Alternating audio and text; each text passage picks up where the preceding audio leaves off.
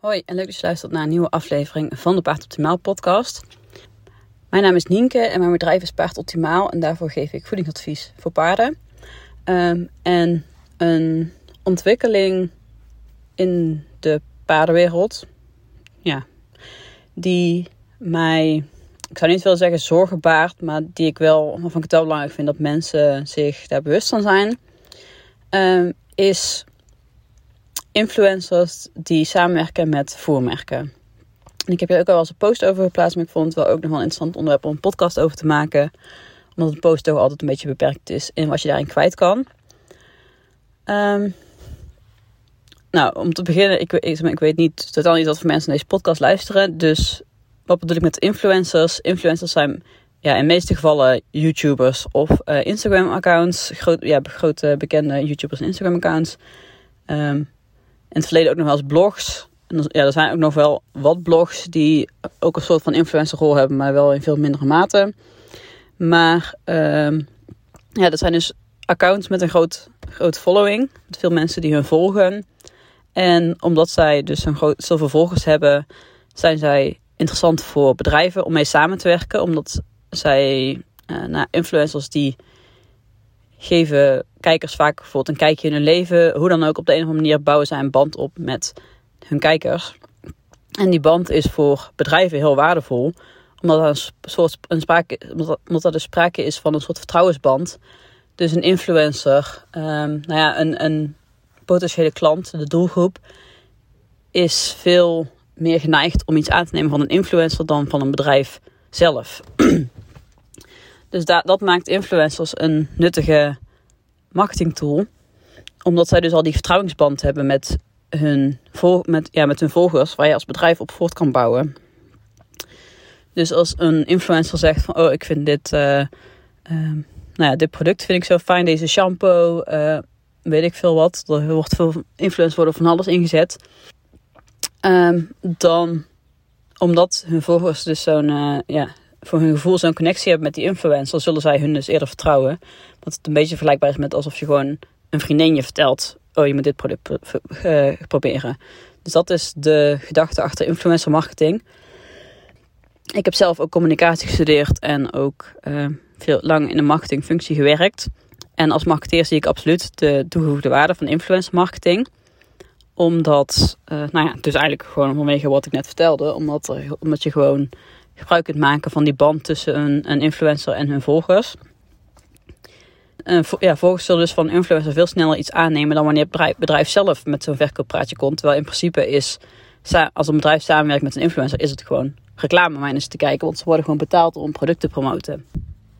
Side note daarin is dat een influencer wel altijd moet duidelijk moet maken dat iets gesponsord is. Uh, als, dat, als ze dat niet doen, dan is dat tegen de wet. Dus mocht je zien dat influencers dat niet doen, spreek ze daar ook op aan. Want het is belangrijk om daar open over te zijn, omdat uh, het zou niet moeten. Maar als een, als een influencer betaald wordt om ergens samen te werken, zouden ze nog steeds een eerlijke mening moeten geven. Maar je kunt je voorstellen dat als iemand je ergens voor betaalt, dat, uh, dat je niet zo snel zegt dat het een slecht product is. En de meeste influencers zullen wel zo integer zijn dat ze alleen samenwerken met producten waar ze daadwerkelijk achter staan. Maar uh, daar kun je niet bij alle influencers van uitgaan. En dan heb ik het niet specifiek over paardeninfluencers. Dus niet dat ik hiermee wil zeggen dat er paardeninfluencers niet integer zijn. Want dat is, weet ik niet. Uh, maar er zijn gewoon wel influencers die het niet zo... Uh, die het niet zo belangrijk vinden om eerlijk te zijn aan hun volgers toe. En die het ook vooral leuk vinden om veel geld te verdienen. Dus dat is wel iets waar je, waar je rekening mee houden als het om influencers gaat. Dat, ehm, ja, het feit dat ze ergens voor betaald worden, kan hun mening kleuren. En dat zou dus niet moeten, maar ja, houd dat, houd dat wel in je achterhoofd. Een integere influencer zou dus, zoals ik al zei, alleen producten promoten waar ze daadwerkelijk achter staan. Maar ja, weet je, als jij een keer uh, een hele hoge dierenartsrekening hebt of zo. En je kon, iemand vraagt jou voor samenwerking waar je misschien net niet, of een product wat je eigenlijk niet kent. Uh, je gaat het testen en je bent er eigenlijk niet zo nou ja, je bent er niet echt lyrisch over. Um, maar ze betalen je wel veel geld. Ja, dan kan ik me voorstellen dat het dan toch best, eh, best uh, ja, verleidelijk is om toch gewoon ja te zeggen. Dus dat is even een stukje influencer marketing. En nogmaals, ik zeg meer dus niet dat er uh, niet integere paarden-YouTubers zijn, paarden-influencers zijn. Want dat weet ik niet. Maar dat is dus een stukje wat je daarover even in je achterhoofd moet houden. En je ziet dus de laatste jaren, het heeft sowieso heel lang geduurd, maar de laatste jaren zie je dat influencers, uh, dat bedrijven influencers in de paardenwereld ook steeds meer weten te vinden, dat die steeds meer ingezet worden. En dan heb je het dus vooral over Instagrammers en YouTubers.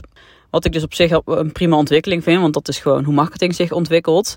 En uh, er zijn ook echt wel veel influencers die een goed voorbeeld zijn. Dus dan vind ik het alleen maar mooi dat die ook producten aanprijzen die aansluiten bij ja, wat zij, uh, waar, zij voor staan. Maar ik vind voer daarin toch wel een lastig iets. Omdat er bij voer gewoon best wel veel komt kijken. Als je bijvoorbeeld een, dekje laat zien of een outfit of uh, nou ja, een shampoo. Shampoo kun je er ook nog niets van vinden. Want ook niet, een shampoo die je paard goed schoonmaakt wil nog niet per se zeggen dat die ook goed is voor de huid. Want alles wat je paard, als je op de huid van je, van je paard smeert, wordt ook, komt ook in het lichaam terecht. Dus als een influencer shampoo probeert en dan zegt, oh, hij wordt er zo mooi schoon van. Wil nog niet zeggen dat, dat het daadwerkelijk voor je paard ook een gezond product is. Maar dat terzijde, uh, dus laten we even uitgaan van kleding of, of een dekje. Daar kan niet zoveel in fout gaan als een influencer dat promoot. Maar met voeding wel. Uh, en natuurlijk is er ook, ligt er ook een verantwoordelijkheid bij de volgers. Die um, nou ja, daarin ook gewoon zelf hun, eigen keuze moeten maken. En verantwoordelijk zijn voor hun eigen keuze. Maar uh, soms zijn dat ook... Nou ja, als het om voeding... Ik denk dat over het algemeen kinderen niet echt voer zullen kopen. Maar denk dan meer aan de, wat, oudere tieners die wel ook zelf bepalen wat hun paard te eten krijgt, of een verzorgpaard of wat dan ook. Um, in hoeverre kun je daarvan verwachten dat zij uh, nou ja, zien hoe influencer marketing werkt en ook dus uh, weten dat ze daarin wel gewoon hun eigen research moeten doen.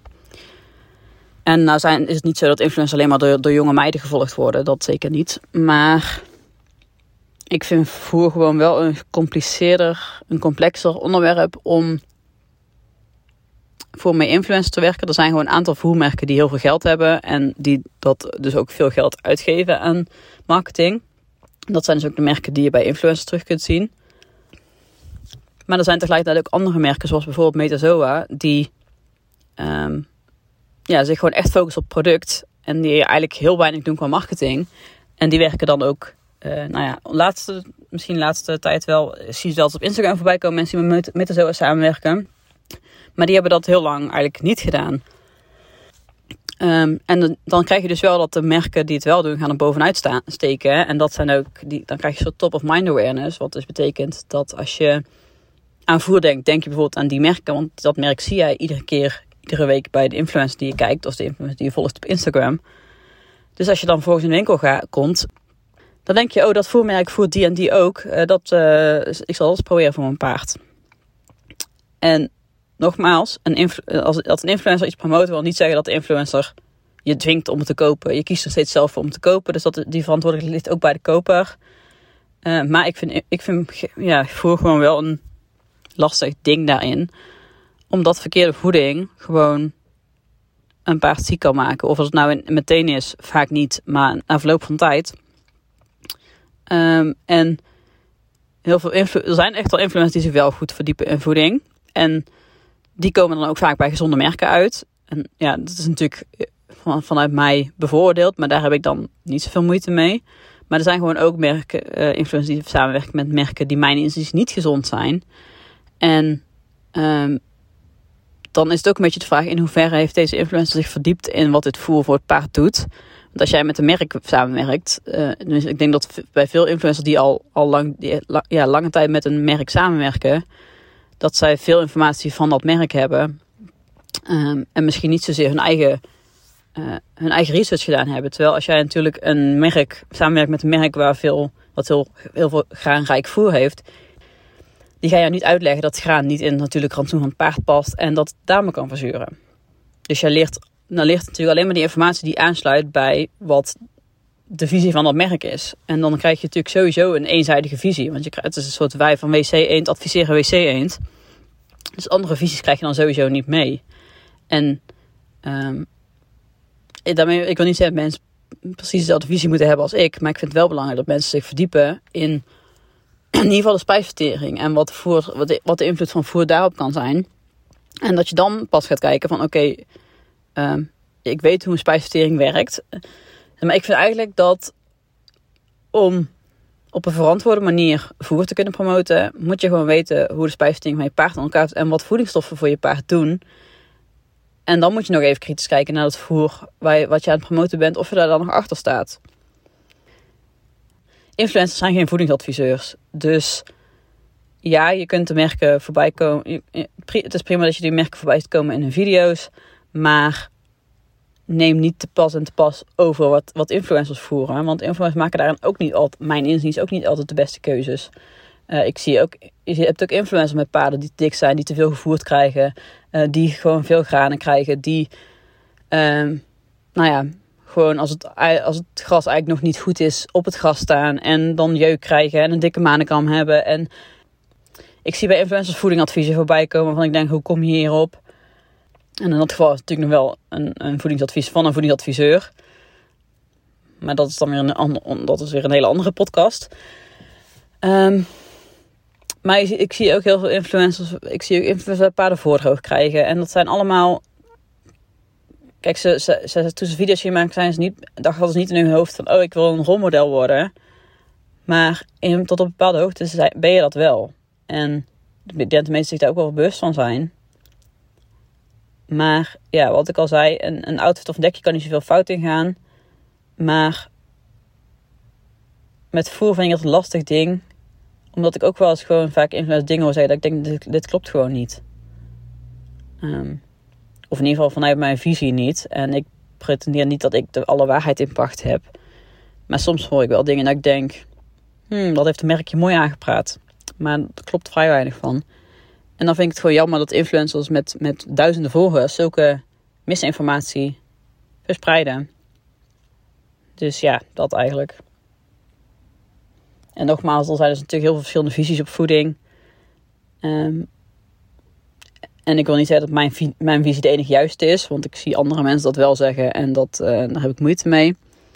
Maar wat ik hier wil zeggen, influencers zijn geen voedingsadviseurs. En zij krijgen waarschijnlijk dus de, kennis die ze hebben, krijgen ze door van het merk. En daarom vind ik onafhankelijk advies ook waardevol. Omdat ik bijvoorbeeld niet merkgebonden ben. En uh, ja, als je maar van, e-, vanuit één kant informatie krijgt, dan zal het nooit het volledige verhaal zijn. Denk ik dan. Dus ja, een beetje vage, wazige podcast volgens mij. Ik probeer deze mijn podcast nu ook gewoon uit mijn hoofd op te nemen. Dus niet uh, alles uit te schrijven, maar gewoon te gaan praten. En, en het komt er vanzelf wel uit dat hij moet komen. Um, ja, dat was denk ik wat ik uh, wilde zeggen. En dan uh, ga ik nu naar huis rijden, want ik zit al in de auto te wachten. Ik wilde eigenlijk buiten op stal opnemen, alleen het waait best wel hard. Ik denk dat je dan niet echt kunt verstaan.